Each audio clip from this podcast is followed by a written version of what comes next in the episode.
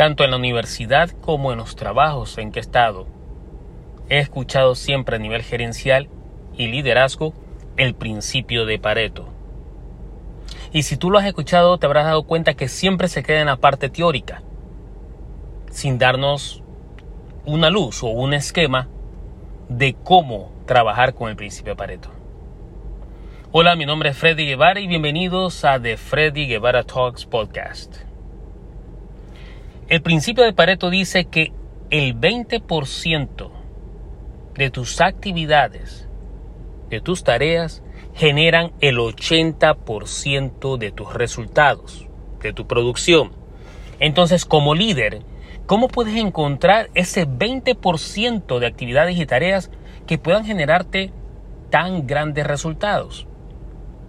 Aquí te enseño y te digo tres preguntas que puedes usar para identificar ese 20% de actividades.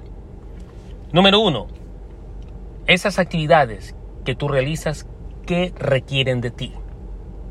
Esfuerzo, tiempo, creatividad, dinero. Define cuáles son los requerimientos que esas actividades necesitan de tu parte. Número dos, ¿Cuál de esas actividades te da el más grande retorno? Recuerda que los requerimientos que tú tengas para realizar cada actividad es como una inversión. Estás invirtiendo tiempo, dedicación, conocimiento, esfuerzo, trabajo. Y esas actividades tienen que generarte el más grande retorno.